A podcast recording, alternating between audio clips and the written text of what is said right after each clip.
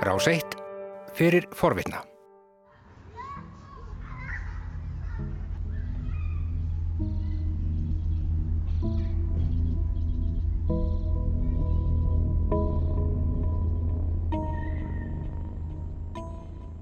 Velkomin í loftslagsterapíuna. Ég heiti Arnhildur Haldunadóttir og eftir að hafa verið með loftslagsvandaninn á gabli mánuðum saman er ég enn að reyna að átta mig á því hvernig sé besta tæklan, svona andlega. Lífið með loftslagsbreytingum er engin loknmódla en það eru þær þekktar af öðru. Það finna margir fyrir kvíða, reyði, sorg, skömm eða vannmætti gagvart loftslagsvandanum. Það er skiljanlegt en það er verra ef að tilveran verður eitt samfelt kvíðakast eða þrálátar hugsanir geir okkur í þunglindi. Í þessum þætti konnum við hvernig loftslagsvandin tengist líðan og geðhelsu í víðu samhengi og reynum að finna leiðir til að lifa með honum.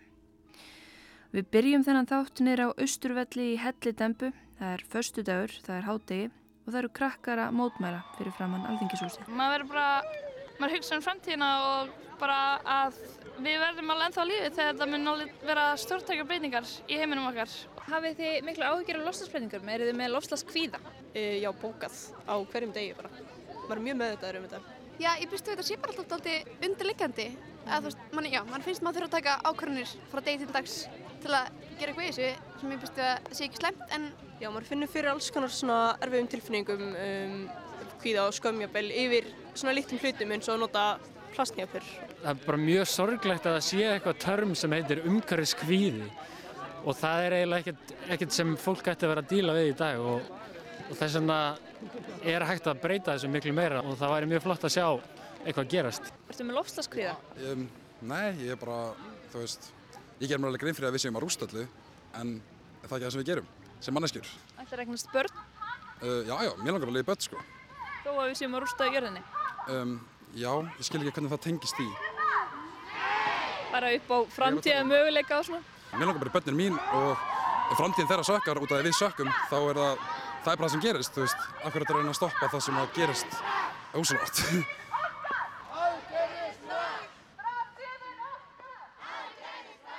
Kvíði og dassa köldu raunsægi. Loftslagskvíði er ekki bundin við börn og unglinga. Í fjölbílishúsi í Vesturbæ Reykjavíkur býr kona Halló. sem hefur sögt sér ofan í lofslagsmáli. Jú, ég er bara... Hei, ég er með hjól, má ég koma með það upp? Þetta er svona skúter. Uh, já, það er einhvern veginn að setja mér í... Er neyður. Já.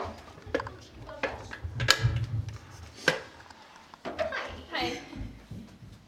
Ég heiti Hildur Knútsdóttir og er reythundur og ég hef verið svona virki lofslagsaktivisma svona sístu sex árin eða eitthvað svo leiðst. Og ég hef, þú veist, ég segi stundum ég hef ekki áhuga á lofslagsmálum, maður stundur kynntur eitthvað, já þetta er Hildur og hún hefur mikinn áhuga á lofslagsmálum, þú veist, ég hef áhyggjur á lofslagsmálum, ég hef ekki áhuga. Og ég vildi óska þess að maður getur bara sleppt þér að tala um þær, þú veist, að því mér er oft erfitt að tala um lofslagsbreytingar líka.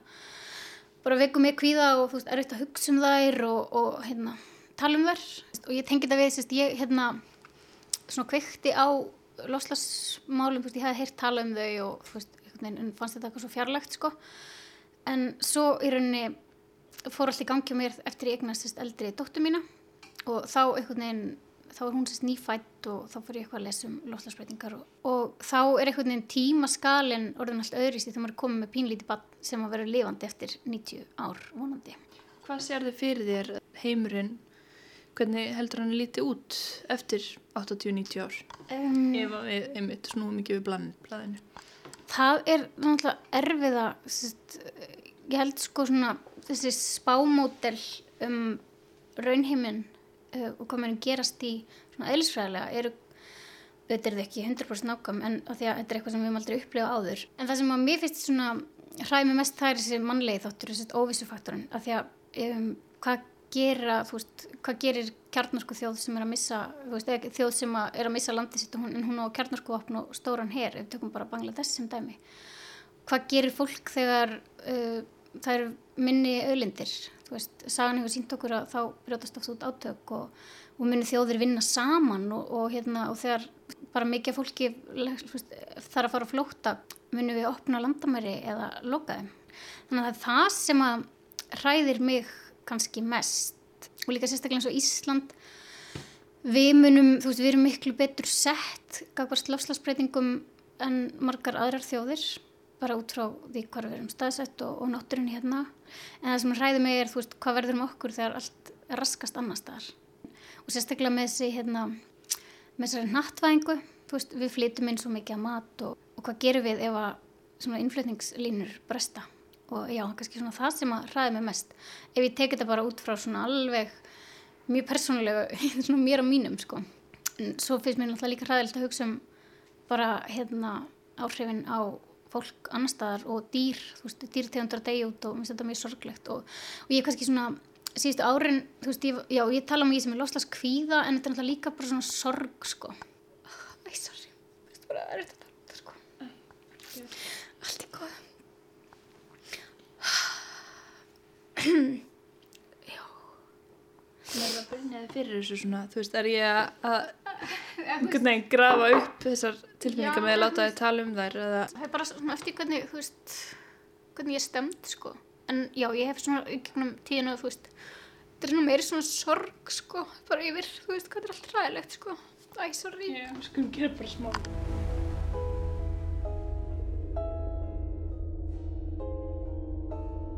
Þetta er svona skrítin tími til að vera lifandi, einhvern veginn að lifa í allsnæktum og sjá svo bara mikið að heiminum vera að deyja í kringum okkur og upplifa svona útrýmingar tímavel er rosalegt sko.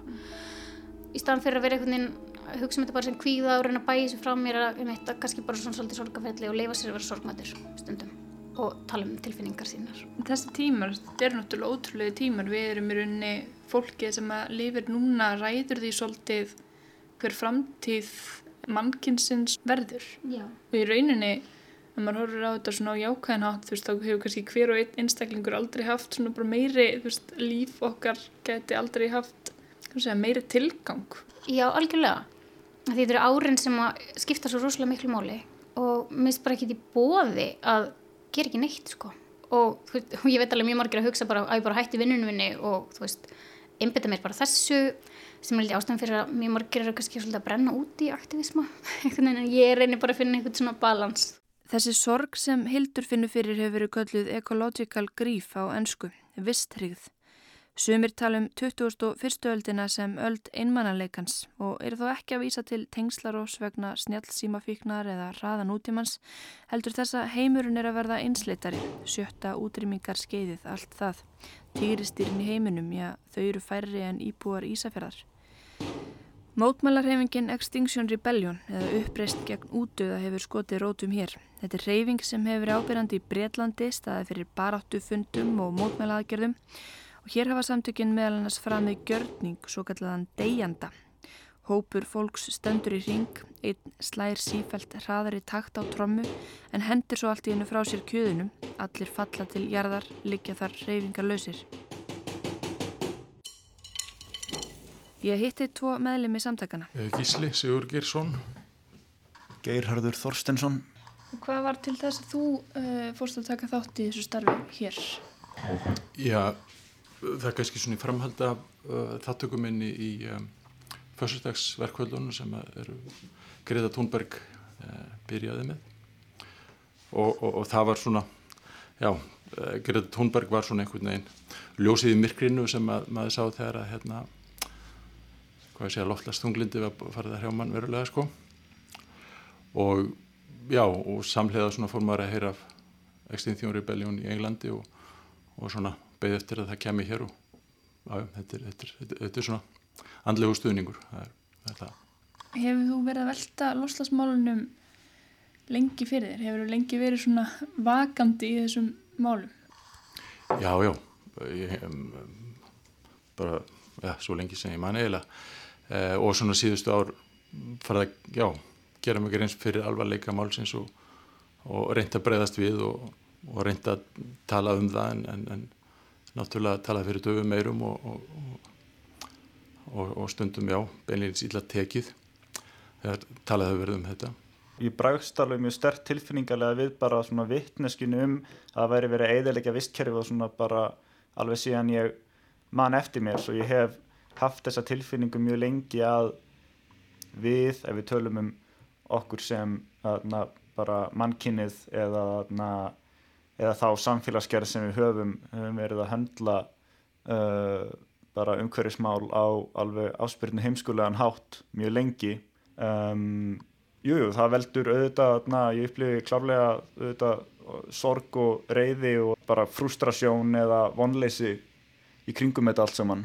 Það að taka þátt í svona aktivisma, það er kannski mikilvægt fyrir ykkar bara andlega líðan? Það hefur klárlega mjög mikil áhrif á hana og þú veist það er, na, hefur góð áhrif, það er líka, na, veist, það er líka erfitt og svo leiðis. Ég klárlega fann fyrir kulnun sko, það var kannski svona, eins og síðast ári, þá var svona, var maður enni kannski hættur einu svona reyna að tala um þetta við fólk og svona. En, en það bara hefur, já, breyst núna og það, núna eins og hverjum fyrstegi þá mæti ég neður á Östurvöld klukkan 12 og, og þetta er bara eins og, já, vikulega vitaminsbröita og, og koma á, á hérna, á hundi hérna og, og atbyrði hjá Rebellions, það er bara, já, það pumpar mann upp aftur, sko.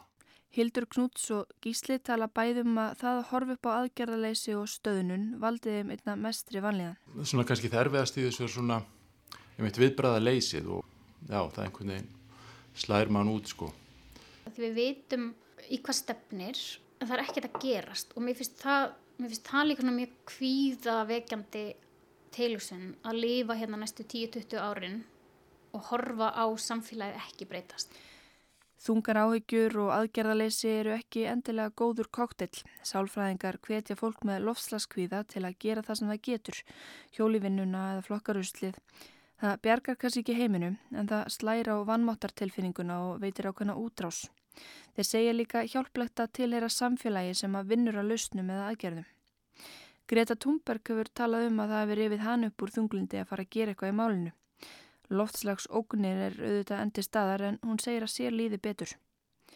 Hildur rætti á þannum mikilvægi þess að tala um tilfinningar sínar og gísli talar um að rjúfa einangrun. Það er einmitt eitthvað sem að sálfræðingar ráðleikja fólki að gera, tala um hlutina við fólk sem að skilur. Fólk upplifir svo oft einangrað með sínar áhyggjur og það er gott að vita að maður er ekki einn. Ég hitti þrjá umhverfis og auðlindafræðinga sem að hafa upplifað kvíða, deburð eða þunglindi í tengslum við loslasvandan og hittast reglulega á ræðan. Ok, ég heiti Nína, ég er doktorsnæmi við Háskóla Íslands í Viðskiptfræði. Ég heiti Tinna og ég er umhverfis auðvöldafræðingur og framhaldsskóla kennari. Ég heiti Anna Margret og starfa hjá Íslenskri Nýjórk. Ég, hérna, þegar ég vann meistaraverkefni mitt þá, þá fekk ég svolítið sjokk, verði að segja. Þannig að það var svolítið erfið tímabill, þá fór ég eiginlega gegnum hálfgjört þunglindi, held ég. Þó ég hef nú ekkert farið til sálfræðings eða neitt en því ég þurfti að lesa svo gríðarlega mikið efni um þetta málefni. En núna í dag þá finn ég ekki svo mikið fyrir áhugjum, ég finn meira fyrir sorg.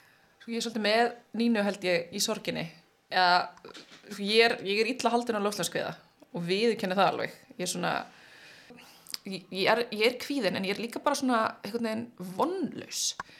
Mér finnst þetta er svona með líðustundum þú veist ef ég er á að reyna að líka sér við eitthvað mér líður eins og það sko segir maður sér allir með eitthvað smittsjúkdóm eitthvað hræðilegan, hræðilegan sjúkdóm sem er leið okkur til dauða.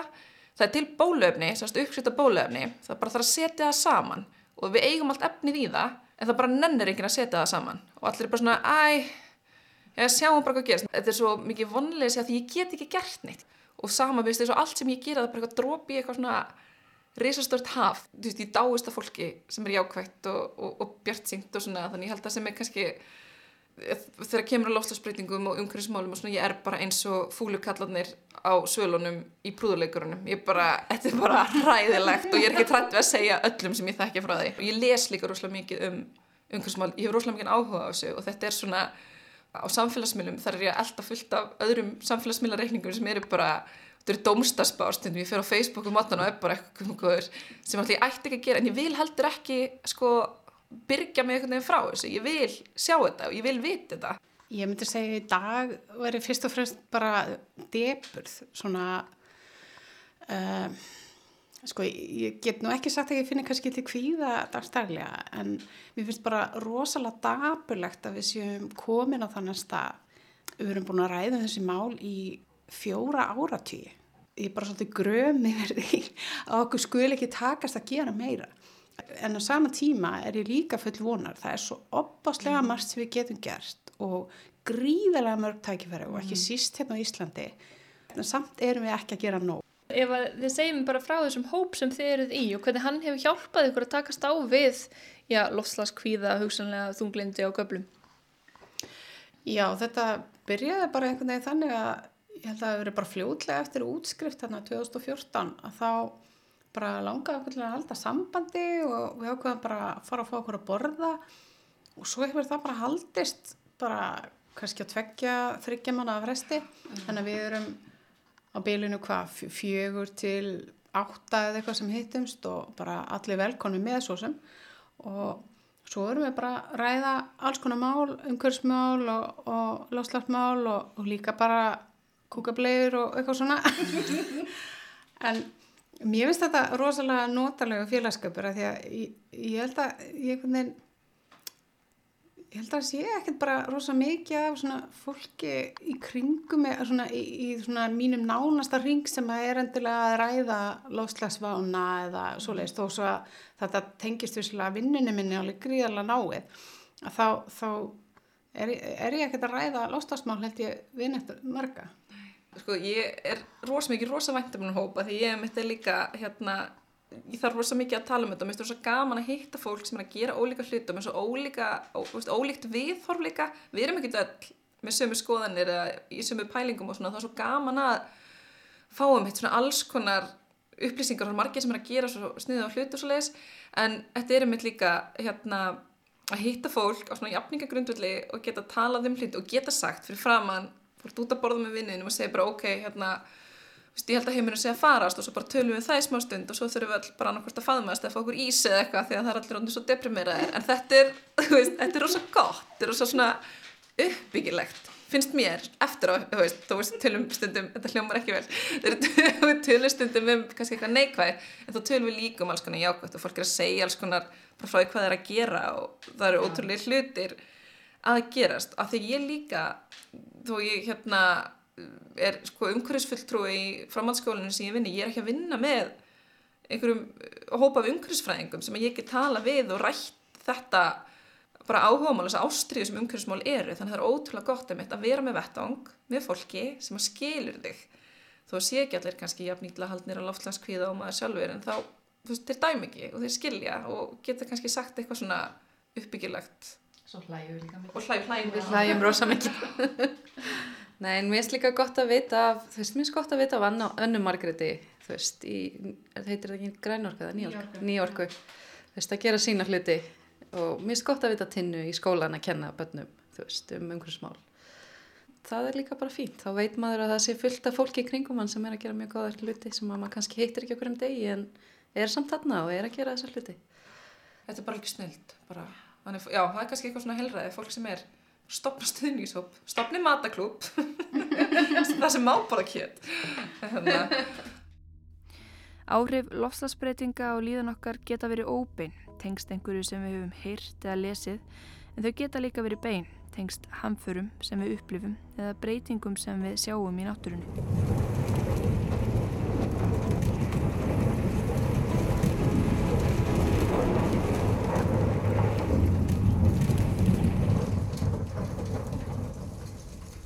Það var einhverjum árum áður þá hafði ég og vinkonum mín verið að tala um hvað við ætlum að taka með okkur eða, kveik, eða hún sagðist alltaf taka reyndar með handavinn eða kveikna í húsinu hjá sér. En ég ætlaði að taka með mér allar filmur af myndunum og reyndar þegar við yfirgáðum húsið þá gerði ég það. Ég tók tösku sem var í förstofunni með með öllum filmum Þetta er Rósa Maria Tryggvadóttir, oftast köllu Maja. Hún er bondi í grænulíði í Eyjafjörðarsveit, hefur búið þar í 47 ár með Óskari mannum sínum. Bærin stendur við rætur Hólafjáls og rétt fyrir jólinn 2006 að morgni 20. desember fjallu tvær stórar örskriður úr fjallinu. Þetta er þekkt skriðusvæði en skriður á borði þessar eru fátíðar. Svo síðari brauð sér leiðin í forstofu og þaðan inn í eldhúsið í grænulíð og gamalt útihús eðilaðist og gripir fórust. Breytti þessi skriða þessar hamfarir því eitthvað hvernig þú tengist þessum stað bara, já, fjallinu? Ég, svo sem veit það ekki, ég held að ég tekið fjallið alveg í sátt og, og fer mjög marga ferðir upp í fjall og, og nýti mér hérna, má segja gróðurinn í fjallinu þannig að ég, ég er alveg sáttu fjallið og er ekkert hérna e, sem sagt, ég er, er ekki trætt þó við þetta, þetta er bara voru sérstakar aðstæður sem að sköpuðust þarna og það var náttúrulega sagt oft við mig hvað ætlaru virkilega fara heim þarna aftur og fara að búa. Þetta var bara samverkandi þættir sem að, að urðu til þess að þessar skriður fjallu og þegar maður veit bara hvernig sagan er þá er maður rólegur með það. Maja er einn þeirra sem að hefur lendi í náttúruhamförum og sloppið tiltölulega vel. Þó skriðan hafi verið áfall þá fórst enginn og tenging hennar við grænu hlýðir áfram sterk. En það er ekki alltaf þannig, sérstaklega ekki þegar að náttúruhamfarir leggja heimili fólks í rúst, þegar fólk missir ástvinni eða lendir í lífshættulegum aðstæðum.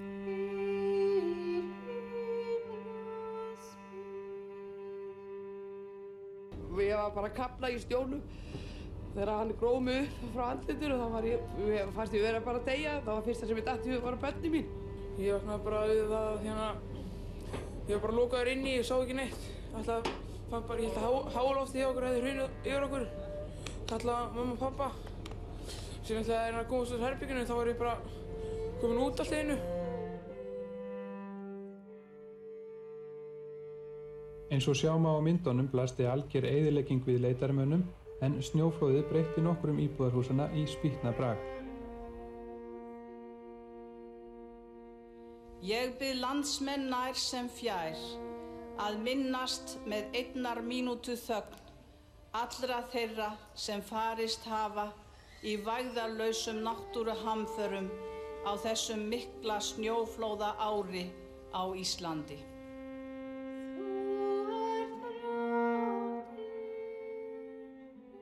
Ég mun aldrei koma aftur til Súðavíkur.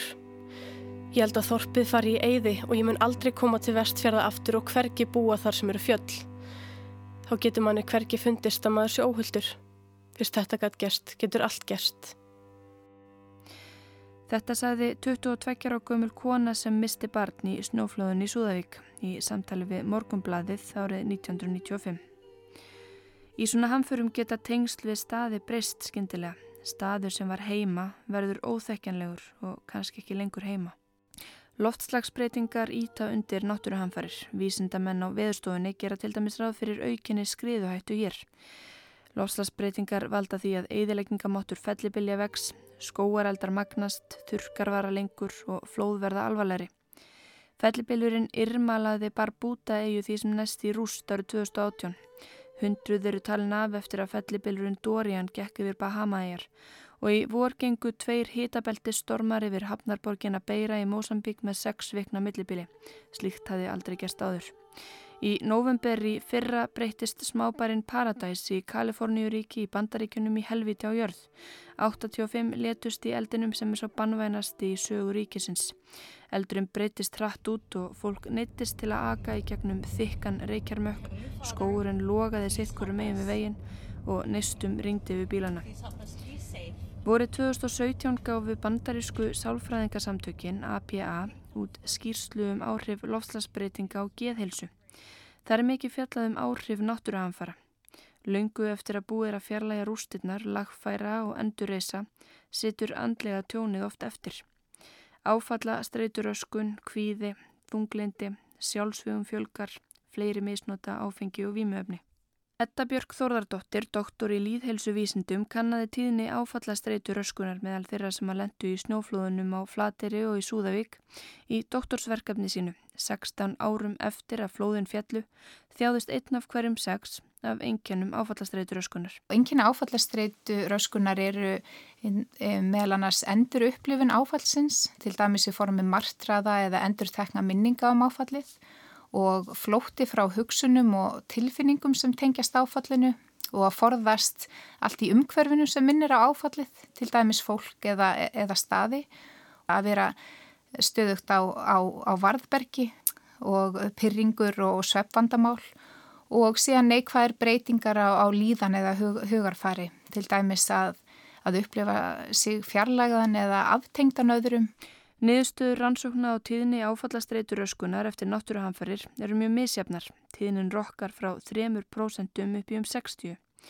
Etta segir tíðnin að ráðast af alvarleika hamfarana. Hvort fólk lendi lífsættu, misti ástvinni, hversu mikil eðlökingin var, hversu margi dóu. Ef fólk upplifi mikla streitu fyrir eða eftir áfallið eigur það líkunar á því að það fái áfallastreitur öskun. Og svo skiptir máli hverðu ert. Sumir eru berskjaldar en aðrir. Börn, eldra fólk, barshafandi konur og fólk sem hefur fáa bjargir. Að einhverju leiti snýst þetta um að hafa stjórn á eigin lífi og breytingar í náttúrunni geta kift undan okkur fótunum. Það sem tekur við eftir hamfarir getur líka reynd á. Fólk getur ekki alltaf snúið heim, hverstagslífið eru skorðum, fólk býrja vil við skort. Rannsóknir sína við aðstæður þar sem fólk er undir álægi, eikst tíðni heimilisofbeldis og ofbeldis gegn börnum. Samheldni samfélagsins getur minkað og árekstrar færst í aukana. Sérstaklega ef að samfélagið var berskjálta fyrir. En áföll geta líka þjappa fólki saman, styrt böndin. Á þessum tíma í fyrra byggu 26.000 manns í Paradís. Nú eru íbúarnir tæplega 3.000. Íbúar sem ekki mistu húsín talum að stutt eftir hamfariðnar hafði þeir verið kallaðir hefnir. Þeir fengu samviskubit yfir að hafa sloppið betur en hinnir en núna líður mörgum illa. Bærin er ekki samur, áður heyrðist í börnum að leiki í almenningskarði, nú heyrðist í vinnuvélum. Margir eiga erfitt með að ratum bæin því kennileitin eru horfin og villast á leðinni heim og þegar að hversir fá margir kvíðan út í magan mun eftir því hvernig eldurum breyttist út á ógnar hraða í rókinu fyrir ári. Tryggingamál eru mikið rætt á mannamótum og þótt fólk reyna að vera jákvægt og sumir horfi til blómabreiðana sem að sprett úr öskunni, þá spyrja aðrið sig. Þyrrt ekki að vera einhver trygging fyrir því þegar hann er öll hús í bænum þínum brenna nema þitt. Við bindumst stöðum oft sterkum böndum, svo sterkum að þeir verða hluti af okkur. Þegar staðirnir okkar verða nær óþekkjanlegir og náttúran sem við unnum lætur á sjá, getum við fundið fyrir sárum missi, sjálfsmynd okkar getur byðin ekki. Fræðumenn nota orðið solastalgia til að lýsa þessari tilfinningu. Það er sett saman úr latneska orðinu solasium sem þýðir huggun og gríska orðinu algia sem þýðir sársöki og minnir á orðin nostalgíu. Solastalgia er þrá eftir því öryggi og velliðan sem staðurum veitti áður en veitir ekki lengur. Heimþrá þrátt fyrir að þú sért heima. Í skýslu bandaríska sálfræðingafélagsins er mikið fjallaðum þessa tilfinningu og ekki bara í tengslum við stórkostlegar hamfarir, heldur líka hægari breytingar í nærumhverjunu þegar þú heyrir ekki lengur í fugglunum sem alltaf letu í sér heyra á vorin eða bæjarlækurinn þornar upp. Og það er sérstaklega fjallaðum líðan inúíta. Við erum þjóð hafísins, hvernig getur við verið þjóð hafísins ef það er enginn hafís, er haft eftir einum í skýslunni. Inuitar á Baffinslandi nota orðið Ugianaktúk til að lýsa óþægilegri tilfinningu sem hellist yfir þá ef að náinn vinur þeirra hafa sér undarlega og nú er það oft notað um breytingarnar í náttúrunni, hefur svipaða merkingu og solastalgia. Rannsóknir benda til þess að tengst millir fólks í samfélögum Inuita hafi veikst, misnótkun, vímuöfna aukist og margir finnir fyrir kvíðatengdum því að þurfa hugsanlega að flytjast eitthvað annað. Sum þau áhrif sem talin eru upp í skýslu sálfræðingafélagsins bandaríska komur á óvart. Rannsóknir hafa sínt fram á sjálfsvígum og bráða innlögnum á geðdild fjölgar þegar hitasti einhvers þar hækkar. Þá eikst árásvar neyð þegar okkur er óþægilega heitt. Þá eigum við erfiðara með að hafa stjórn og skap okkar og við erum líklegri til þess að draga þá álíktuna að þeir eru sé okkur óvinnveikir. Sumir krakkana sem ég talaði við á Austurvelli sögðust hálpartinn skammast sín fyrir að vera ekki með meiri áhyggjur, hugsa ekki meira um loslasmálinn. Hversu kvíðin ættu við að vera? Ég hitti Gró Einarstóttur, doktor í umhverfissálfræði í kaffi á Kjærvaldstöðum. Mér finnst svona ágænt að hugsa um kvíða sem einhvers konar, e, þú vart með eitthvað svona kurvu og þetta er eitthvað sem að vekum hann aðeins. Ef þú farir frá 0 kvíða upp í 1 kvíða eða eitthvað, þá ert það aðeins meira vakandi og við myndum kannski ekki kalla það kvíða en það er einhvers konar svona vakning sem að gera verkum að þú bara kannski vakna á mótnana og ferði vinnuna og, og það er svona uh, þú verður aktífur. Uh, og svo getur það haldið áfram og hérna að fara upp en á skala ef við segjum að sé upp í tíu eða eitthvað svo leiðis og þá einhvers staðar kannski í miðjunni þá ert að fá mest út úr þessu. Þá ertu að fá sem sagt mikinn kraft og orku. eh, án þess að það hafi endilega neikvæð áhrif fyrir með sér. En svo ef þú heldur áfram og verður meira spenntur og þá ertu kannski komin yfir eitthvað sem er, kvíði og það er svona almennt séð ekki góð áhrif. Það er svona þröngu kannski sjóndelda ringiðinn og þú getur farið að taka ákvarðanir sem eru skamsínar. Þú veist, ef við ætlum bara að drífa fram loftlægsaðgerðir á, á kvíða þá kannski lendum við í að þú veist að ein, eina ásættinlega aðgerðin er að, er að sprauta einhverjum, þú veist, Æ, það er svona bioengineering, eitthvað að spröytna einhverju upp í lofttjúpin og, og hérna þá, þú veist, leysum við þetta vandamála. Þegar við verðum bara, þú veist, ef við leysum það ekki í dag þá erum við alltaf dauð. En líka bara kannski á persónlegu leveli að það er alltaf lægi að upplifa kvíða í stuttan tíma og það er alltaf lægi að upplifa loftlasáakir, það getur gefið manni ákveðin kraft. Uh, en það er alltaf einhver áreinsla og bara, þú veist, eins og maður veit að því að hlaupa, þú veist, taka eitt sprett veist, það er bara rosa hressandi og, og mjög gott. En það verður að fá kvíla þig. Þú veist, ef þú lendir í því að vera með þrálatar áhugir á þessu þá bara reynilega fyrir að taka rosalega miklu orku. Þetta verðist vera personubundið Hildur segist vera svona kvíðatýpa eins og þú veist, ég hef, sko, ég hef lesið svona fyllt á hérna greinum um það að hræðslu áraður virki ekki á uh, mjög stóran hóp fólks og það sé ekki gott að tala um eitthvað við verðum að veist hérna hætta að losa kolumna því annars gerist þetta og þetta eitthvað, en þetta virkar svona 100% á mig og það er þannig sem að ég fór að hafa ágjur á loslasmálum veist, og fór að pælistu bara því ég var bara einmitt, talaði byndu minn kvíða um einhvern veginn framtíðina og hérna og ég mitt verið í sálfræðingi sett út af þessu sko að reyna einhvern veginn að díla við loslaskvíða sko og þá tengir hann þetta, hann var að segja sko að það sem að kannski svona hrjáir þá mig er svona óttin við óvissuna sko. Pappi minn, Háldan Örnálsson, er stressaður yfir þessu svona af og til. Ég, þetta er nú ekki þetta að plaga mig alla daga sko, þetta kemur stundum svona og þá, þá kannski eftir að hafa hort á fréttir eða lesið eitthvað eða, eða bara verið að velta einhverju fyrir sér að þá, þá, þá, þá fyllist maður af, af svona einhverjum kvíða eða hálfgerðu vonleysi núast yfir því hvernig, hvernig staðan er. Uh, þegar maður, þegar maður hérna, sér að þessi takmörk sem að, þessi, þessi viðmið sem hafa verið sett að þegar maður sér að þetta er að bregðast og þetta er ekki að nást og það er ekki útlýtt fyrir þetta náist að þetta er náttúrulega eins og svona ákveðin tilfinningarlegu rússipanni þannig séð. Og, og erfitt að horfa upp á þetta og erfitt að fylgjast með þessu en uh, svo er maður náttúrulega bara svona uh, eins og, eins og hverjönur uh, lífverða bara þess vegna eins og eins og belja út á túnni sko, maður, maður sinni sínu og býtur sitt græs og, og hjórtrar það og, og, hérna, og er ekkit að, að hafa áhyggjur af, af öllu kannski rétt á meðan Ef við förum alveg í hináttina þá er Egert Benedikt Guðmundsson, fórstuðumöður samstars vettvangs stjórnvalda og atvinnulífs í loslasmálum, ekki vitund kvíði. Ég held að, að, að ef ég voru alveg seinskilin þá sko, þá finnst mér þetta eins og mörg önnur viðfangsefni þó þessu brín og alvarleg að þá er það kannski frekar spennandi að takast á það. En það var nú gömul kona sem kendi mér orðtak sem að, sem að hún var mjög glöð alltaf og, og ánæð og, og, og glöð með lífið og smittaði alla með því og hún, hún sagði stundu þegar einhver var að spyrja hennar hvort hann hefði ekki áhyggjur á einhver og hún sagði hérna ég, ég nenni nú ekkit að vera að degra við raunin mínar. Og mér finnst þetta nokkuð gott orð sko. Við þurfum að vera vakandi yfir því að, að, hérna, að, að vandin er stór og það þarf að bregðast við honum en en uh, við, það má ekki öll orkan fara í að degra við raunir okkar. Það er ekki til rannsóknir á tíðinni loftslaskvíða en það er loftslaskvíði ekki formleg greining á geðrænum vanda. En Gró segir minni rannsóknir benda til þess að tveir hópar séu viðkvamari fyrir vanlegan í tengslum við loftslagsvana. Fólk sem er þegar haldi kvíðaða þunglindi og fólk sem starfar við eitthvað tengt loftslagsmálum. Ég ætla á tvö lítið börn og ég þarf veist, að vona að hérna þetta verða allt í lægi einhvern veginn því annars bara horf ég á börnum mín og er bara eitthvað hvað er ég búin að gera? Þú veist að fæði ykkur inn hérna hræðilega heim. En hérna það líður oftast hjá en svo um daginn nefnilega þá blossaði upp gamall ótti sem ég var búin að gleima þegar hérna Trump vildi kaupa Grænland en þá fór ég að hugsa sko náttúrulega landfræðilegt mikilvægi Íslands. Þetta er bara svo, þú veist, setni heimstyröldin þú veist, hvað, hvað við vorum landfræðilega mikilvæg þá og við hljóttum að vera ótrúlega landfræðilega mikilvæg.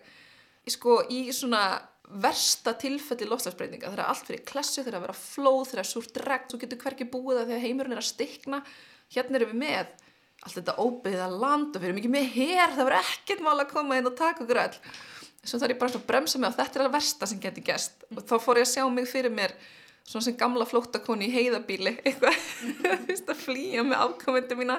En ég vona að þetta gerist ekki. Ég verð að vona bara svo ég leggist ekki niður og bara gefist upp á lífinu að þetta verði alltaf lægi en ég bara vildi ekki sagt hvernig það var gerast en ég samt aðeins að undirbúa mig fyrir hitt. Bara Hvernig það? Nei, bara, þú veist, að mögulega þurfi að flýja eitthvað til ég er á 87 ára, bara með, nei, ég er ekki ást en ég er svona samt, þú veist. Maður svona ert ekki byrjuð að grafa byrgið. Nei, en ég er svona, þú veist, að ég er bara að sapna ykkur, ég er bara, þú veist, ég er bara svona sanga að mér ykkur svona nýtsamleiri hæfni Ég hef persónulega engar áhugjur um mig sjálfa. Ég held ekki að ég, ég eftir að finna fyrir einhverju hræðilegu, held ég, ég veit það ekki. En ég hef áhugjur af, ég hef áhugjur af fólki í Afriku og ég hef áhugjur af fólki í Indlandi og ég meirsa, ég er með meira saman áhugjur af fólki sem býr í Gríklandi. Bara vegna þess að hitin er svo gríðarlegur á sumrin. Og á kannski eftir að versna næstu áratögi, sko. Ég á fjölskytt og vini þar og, og, og allt það, en, en hérna og svo hef ég líka smá áhyggjur á börnunum mínum að því að þetta eru náttúrulega breytingar sem þær he, kannski eru líklegir til þess að finna meira til heldur en ég. Eru þið með einhver ráð, eitthvað til fólk sem að kannski er bara í sömu stöðu og þið voruð í hvað er hægt að gera, hvernig er þetta að lifa með þessari ógn og þessum veruleika? Ekki lesa fréttinnar dagstaglega eins og Tinna gerir. ekki fara inn á fítusinn á Facebook. Ekki vera með 70 umhverfisreikninga á Instagraminu. Ekki, ekki gera það. Frekar myndi ég segja lestu djúpar fréttir. Lestu frekar fréttir sem fara ítarlega í málefnið og, og bara skoða heilu myndina. Og það hjálpar heldur ekkert að vera að skoða hvernig heimurinn verður í 8 gráðum. Mér finnst alveg nóg að vita að það er nóg slæmt núna og það þarf að gera eitthvað í þessu. Og hvað getum við gert? Einblina á það. Það er líka bara veist, að reyna að við höfum, sko heimurinn hefur gengið gegnum svo mikla breytingar, fólk hefur lifað af svo ótrúlega hluti og við höfum ótrúlega aðlöðunarhefni og við erum ótrúlega lánsum að búa í Íslandi. Þannig ég held að maður þurfi bara svolítið einhvern veginn að reyna að vona það besta og, og vera bjart sín af því það er, veist, það er að finna ótrúlega stilegur, ég held að það sé alveg, það er alveg í gangi þó að hérna maður detta alveg stundum í ykkur, ykkur að neikvæðni. Og líka það sem er mikilvægast held ég í þessu er líka að finna fólk í kringum þig sem er að gera eitthvað í málunum og tala við það fólk. Algjörlega, tala um. Tala við aðra. Koma sér saman í hópa fólki, aktivista eða bara fólk sem að er að breyta sínum vennjum eða eitthvað mm -hmm. sem að er á sama plani og þú. Að því ég vinna svona að þessi orkugeranum að, að það er rosalega áhugavert að sjá uh, til dæmis samfélagi sem hefur byggst upp í kringum rafbíla eigundur. Mm. Að þar er fólk að smita hvert annað, fólk er að uh, rafbíla eigundur núverandi er að lána rafbíluna sína vinu sínum og fjölskyldum og svo frammeðis og þannig samfærast aðrir um jákvæða kosti mm. rafbíla. Já, og nýta samfélagsmiðla til að finna, finna þetta fólk sem er að hugsa eins og þú. Bara, ef þú vilt minga matasóðun þá bara farði í samfélag rusla kavara, hvernig hvað þetta er Gáma, gáma gramsalana. Gáma, gáma gramsalana, já, þú veist, allt þetta, bara þú veist, það er, og minnst líka svo frábært, það sem minnst frábært í samfélagsmiðla, þó er geta verið líka slæmir, er hvað það er búið að búa til góðan vettvang fyrir umhverfismál og fólk svona þú, þú getur fundið þín, þína kreðsu mm. á samfélagsmiðlum. Það er svo ótrúlega margt til. Mm. Og líka ekki gera það því þú ert með saminskupið. Mm. Ekki gera neitt út af eitthvað saminskupið. Það bara er ekkert, það mun örgulega draga þig niður. Er þetta ekki bara strax orðin jákvæðar með því að setja hérna með okkur og skalla jákvæðar í hitt ykkur? Sálfræðingar mæla með því að við fylgjumst með líðan okkar þegar við lesum þungar greinar um loslasvandan. Aukinn sjálfsmeðvitund getur hjálpað okkur að átt okkur á því hvar þólmörk okkar liggja. Við getum þá haldið áfram að vera upplýst án þess að bugast algjörlega. Það verður, sko, neikvæð tilfinning að verða oft verri ef við reynum að bæla það niður. Þannig að það er svo mikilvægt að skapa rými fyrir til með sorg yfir því að við erum kannski að missa hérna við erum að missa svo mikið að gæðum og, og, hérna, og það er svo margt sem að kannski lítur ekki vel út en líka kannski virka uh, jákvæðar tilfinningar af því að þær geta líka nýst okkur rosalega mikið í þessum loftlagsvanda. Við þurfum að vera forvitin til þess að við getum byrjað að leita einhverja lausna. Uh, við þurfum að um, finna fyrir gleði með því kannski að tengjast öðrum af því við, við þurfum að tengjast fólki til þess að vinna saman að þessu. Uh, það, er, það er engin einn tilfinning bönnu, það er ekki bannað að vera kvíðin yfir loftlagsmálum eða það er ekki bannað að reyna að láta aðra vera kvíðina en, en ég held að það er rosa mikilvægt að við festumst ekki í bara einn tilfinning sem viðbröðu við loftlagsmálum. Viðmælendur mínir hafa nefnt ímis skaglega ráð til að lifa með loslasvandanum. Að lifa með loslasbreytingum snýstum að sætt okkur við óvissu, það að við höfum ekki stjórn á öllu. Það hjálpar að tala um hlutina og vinna að lausnum og aðgerðum með öðrum, bara passa sig að keira sig ekki út. Það er mikilvægt að hugsa vel um sig, endurnæra sig og leifa sér að taka pásu frá lofslagsókninni við og við, lifi núinu. Og það er hægt að finna styrk í náttúrunni sem að enn gefur og gefur þrátt fyrir allt. Það að upplifa sorg og óttakakvart loslasvanni er mjög skiljanlegt og þessar tilfinningar þegar ég reyna að reykja með upptökum þeirra eru það ekki bara tilkomnar vegna þess að okkur er ekki sama. Ef kvíðum verður hamlandi eða þið finnir fyrir þunglindi er gott að tala við einhvern sem skilur, leita til sálfræðings eða ringi 1717. Í næsta þætti er það afneitunin, hál og marglaga eins og laukur og hvers vegna við erum svona góði að stinga höfðin í sandin og hvort það er hægt að náði það. Takk í dag.